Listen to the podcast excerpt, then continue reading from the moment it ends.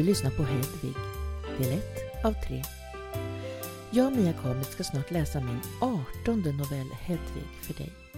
Men först vill jag förmedla några funderingar som har legat till grund för historien. Är du med? Hösten. En fin tid med frisk luft och vackra färger. Jag tycker om att i sakta mak förbereda trädgården för den långa vintervilan. Urnor och krukor ska tömmas, jord tas om hand och komposten fyllas på med gammalt som i ett naturens underverk ska förvandlas till nytt.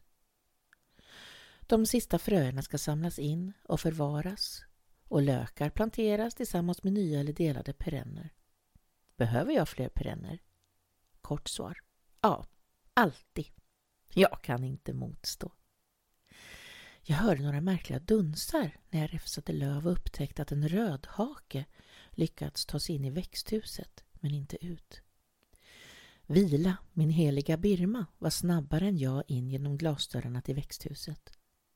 Det var tömt på tomatplantor och gurka och för tillfället ovanligt tomt och rymligt. Det enda just den här katten normalt brukar jaga om dagarna är kylskåpsmagneter små tygödlor och ullfår som hon placerar som ett meddelande till mig vid mat och vattenskålar när hon anser att jag har slarvat. Hon har aldrig dödat någonting som de andra två kattfilurerna brukar göra. Jag tänkte att fågeln strax skulle vara fri igen men undrens tid var inte förbi. Vila högg fågeln och som hastigt frusen till is stod hon plötsligt där med fjädrar utstickande ur munnen.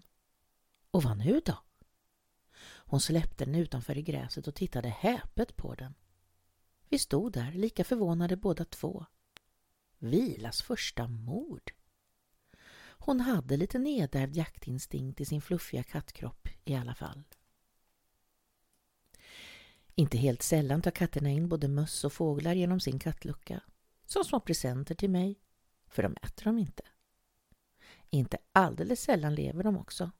Ibland tror jag att katterna tycker att vädret är vått och trist och de vill flytta in i jakten för bekvämlighetens skull. Andra gånger får jag för mig att de vill involvera mig i den makabra leken. De tycker att jag också ska få ha lite skoj. Jo, jo, det är så lagom roligt att fara runt efter en mus springande längs golvlisterna för att strax mycket listigt slinka in under pianot.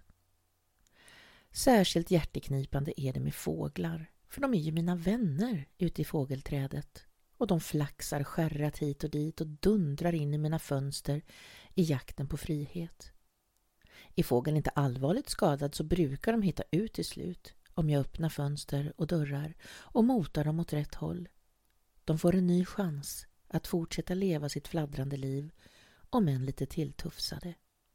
Slutet gott, allting gott.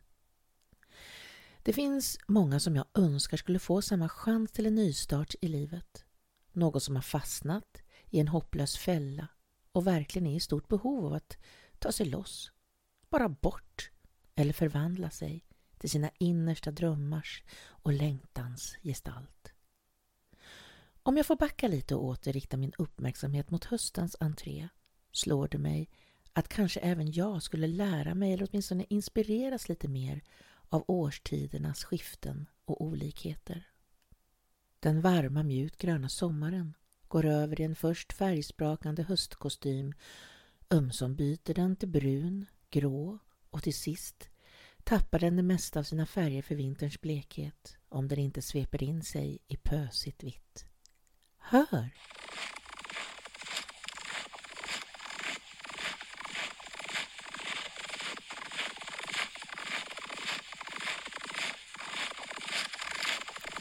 Det var det frasiga ljudet av 18 minusgrader under mina fötter.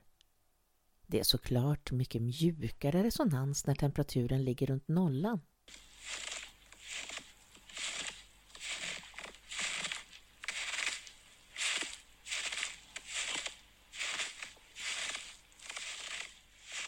Jag älskar vinter och snö.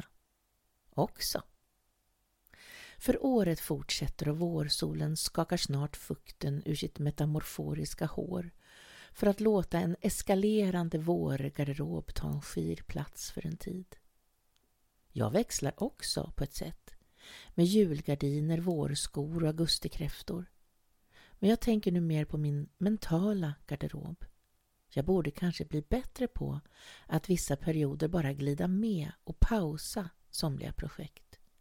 Göra plats åt somt och lägga annat i malpåse för ett slag. Naturen gasar och bromsar, sprudlar och vilar helt naturligt och vi missgynnar den inte det. Det är en alldeles uträknad och nödvändig period som är återkommande och fullständigt accepterad. Även om vi ofta gnäller och klagar över väder och vind. Inte sällan går jag på i ullstrumporna och reflekterar inte ens på om maratonet jag dagligen genomför leder närmare sitt mål eller vilket målet egentligen är. Jag kanske stressar runt i cirklar i bara farten utan att fundera på vad det verkliga målet med dagen och natten borde vara. Vad jag vill att det ska vara eller inte vill att det ska vara. Jag ser det ännu tydligare på nära, kära vänner och bekanta eller på tv-film och serier. Deras problem kan vara en never-ending story och verka hopplös att ta sig ur för den som är mitt i den. För mig som står utanför och bevittnar situationen finns ett antal lösningar, men de är lika svåra att förmedla som att jag för mig själv ska försöka synliggöra mina egna surdegar. Ibland har jag fått upp en sån farlig fart i ekorrhjulet att jag skulle slå mig riktigt illa om jag försökte hoppa av. Så jag törs inte. Det påverkar ju fler än mig själv också. Jag får inte glömma det. Det krävs alldeles kolossalt med mod att förändra något. Det kan innebära att jag måste förlora ett för att vinna ett annat. Det är en svår känslomässig kullerbytta och bara tid kan utvisa hur det på sikt kan landa. Konsekvenser av mitt handlande kommer oundvikligen att förändra saker och det skrämmer mig eftersom det är nuet som jag kan utvärdera. Jag kan aldrig sia in i framtiden och lita på att saker och ting bara ska ordna sig. Ändå gör det ju nästan alltid det. Ordnar sig. Men i nuet känns det eventuella framtidsscenariot som en tveksam överraskning. Och jag vet vad jag har, men inte vad jag får. Jag gillar inte så mycket överraskningar. Att våga tänka positivt och att det vore spännande är att ge sig ut på tunn is och outforskad terräng. Det kan kännas både ansvarslöst och dåraktigt. All förändring är bra förändring, tycker vissa. Andra tar det varligt och förändrar långsamt och försiktigt. En kategori strävar bakåt och tycker att det var bättre förr. Och jag är nog en blandning av alla tre. Och säkert en fjärde om jag får fundera lite till. Kvinnan i min novell lever i ett destruktivt förhållande och har förlorat både en fungerande relation till sina barn, sin make och till sig själv. Hennes identitet har mycket skickligt under lång tid förintats och kan enkelt sammanfattas till en värdelös passopp utan eget värde. Flykten in i berusning blir hennes enda lösning till bedövning och tröst och även det bemöts med avsky. Hon lever i ständig skam och rör sig dold i skuggorna. Situationen är ohållbar och hon har till och med börjat frukta för sitt liv. Det är inte första gången som jag känner ett behov av att skriva om en väg ut. Att behovet av att riva ner något i grunden för att kunna bygga upp något nytt. Jag anser alltid att det alltid är värt det. Vi lever bara en gång och har bara blivit förunnade med ett enda liv som vi har ansvar till oss själva att tacksamt vårda och ta hand om. Det är inte alltid nödvändigt att välta omkull hela tillvaron, men jag anser att vi alla är värda att ha det så bra som det bara går, utan att för den delen göra det på någon annans bekostnad. Är det något som skaver så finns det ofta lösningar om vi bara är kreativa. Det finns hjälp att få och att samtala om vad vi önskar eller inte uppskattar kan bli en gemensam uppgift som genererar gott i flera led, som ringar på vattnet. Det är aldrig för sent. Vi blir aldrig för gamla. En kort tid kan kännas lång och lyckosam, precis som en lång tid kan kännas kort. Om vi skulle uppleva en evighet där någon felar, plågar och förgör oss är det en oförrätt mot oss själva. Jag är den viktigaste i mitt liv. Utan ett fungerande jag har jag också svårare att bistå någon annan. Gnälla och klaga över saker som stör och inte fungerar som vi önskar ligger ibland lätt till hands. Vi kan förena oss i en klagosång och riktigt gotta oss i vår likasinnade kör. Men hjälper det? Löser det mina problem? Det är ofta vid sådana stunder jag anser att det är någon annan som med sitt trollspö ska komma och trolla bort det ofördelaktiga. Rensa himlen på orosmoln och placera hela härligheten framför mina fötter. Skämt åsido, det händer aldrig. Det är de där konsekvenserna igen och helheten som alltid är så mycket mer komplex än vad jag orkar se och sätta mig in i. Helt naturligt. Jag vet inte om det är ålder eller bara den mentala plats jag är på just nu i livet. Men jag känner mig förändringsbenägen. Inte några stora omvälvande förändringar för egen del men jag har fått en nyvunnen lust att organisera. Organisera om i skåp eller hitta mer praktiska system på smått och gott. Hur andra borde göra med sitt ditt och datt kan inte jag lägga mig i. Men det kliar i mina fingrar ibland. Jag får hejda mig. Vi kanske ska pausa med ett musikstycke så jag hinner bli förståndig igen. Det här har jag tillägnat min Brotterska Hedvig. Hoppas du ska tycka om det.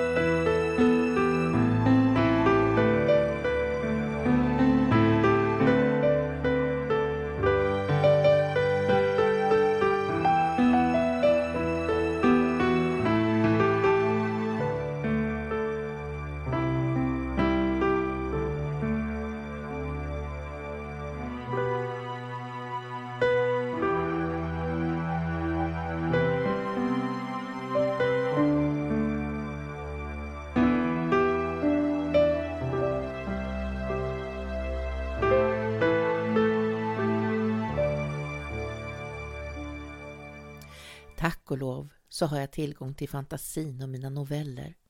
I dem kan jag husera bäst jag vill och önskar. Jag håller alla förändringar och lösningar i min hand. Men, precis som de brukar vara ärliga och tillägga i reklam för ekonomiskt sparande eller placering av mina surt förvärvade slantar, så finns det faktiskt inga garantier för vad framtiden ska erbjuda mig. Även om jag i fantasin kan styra över händelseförloppet för en tid. Det kommer alltid ett efter. Och efter det kommer ytterligare ett efter. När det kommer till mig själv och mitt egna liv kan förändringar bli precis så som jag tänkt mig. Men ibland blir det något annat som jag i min vildaste fantasi inte hade kunnat ana. Och det blir mycket bättre än vad jag hade kunnat tro. Men ibland så slår det fel och jag ångrar mig bittert. Det är också en känsla värd att utforska vid tillfälle. Att göra en helomvändning i livet är spännande. Ibland tvingas den fram av en kollaps eller tragedi. Men ibland har den värkt fram i form av ett längtansfullt frö som länge legat och grott. Jag har gjort en och annan helomvändning. Att bli lärare var en.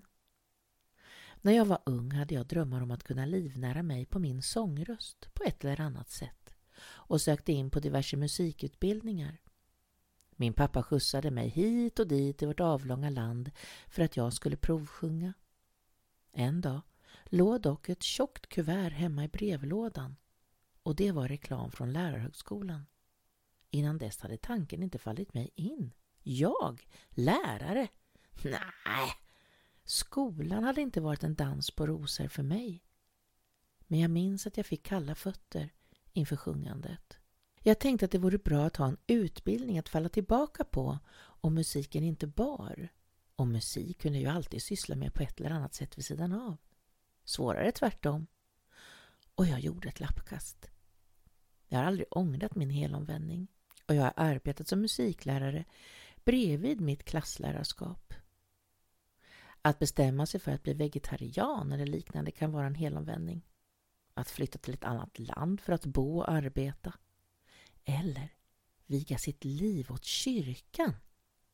En enorm helomvändning. När jag gick på lärarhögskolan gjorde jag en resa i samband med en kurs till Vadstena kloster. Vi skulle bo där en tid och delta i deras dagliga verksamhet. Det var tidiga morgnar i mässa, bön och sång inför måltider och ett spartanskt möblerat rum att återvända till på kvällen för vila och eftertanke. Det var en både spännande och märklig upplevelse för mig och tillfället har lämnat speciella minnen och tankar.